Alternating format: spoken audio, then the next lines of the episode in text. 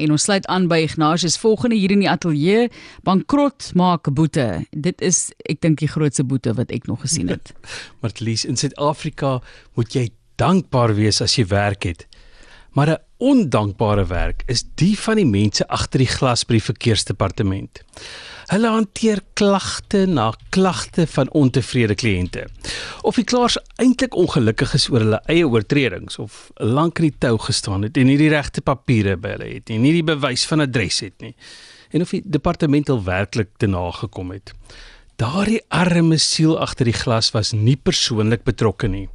Hy of sy moet prosedure volg.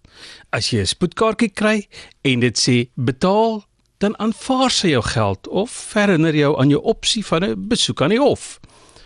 Of die mens agter die glas in Suid-Afrika of Amerika is, dis die proses. Toe Connor Kaito van Savannah, Georgia, 'n willespoedkaartjie kry, dog hy, dis 'n tikfout. 1,4 miljoen dollar is 'n rof. Dis vinnig op pad 26,4 miljoen rand toe. 90 myl per uur is duur in 'n 55 myl per uur sone. Nie eens minister Enoch Godongwana kan 'n huishouding se begroting laat klop as spoedkaartjies lotto klas bedrag op het nie. Connor kon nie sy ore glo toe die vrou agter die glas oor die foon sê: "Betaal die bedrag op die kaartjie of ons sien jou in die hof.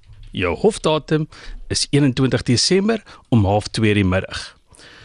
Martlies, die klas storie haal die nuus toe joernaliste gaan hoor oor die blou baadjies wat kon doen met 'n miljoen, hoor hulle dit was inderdaad sagte ware wat harde woorde veroorsaak het. 'n Meer realistiese boete behoort hier by die 1000 dollar te wees. Maar Connor kan nie die hof vryspring nie. Daardie hoëspoed vra meer as net boetedoening. Eina, eina, eina. Betaal vir die res van jou lewe af van daai geld. Woe, vaderland, dis verskriklik.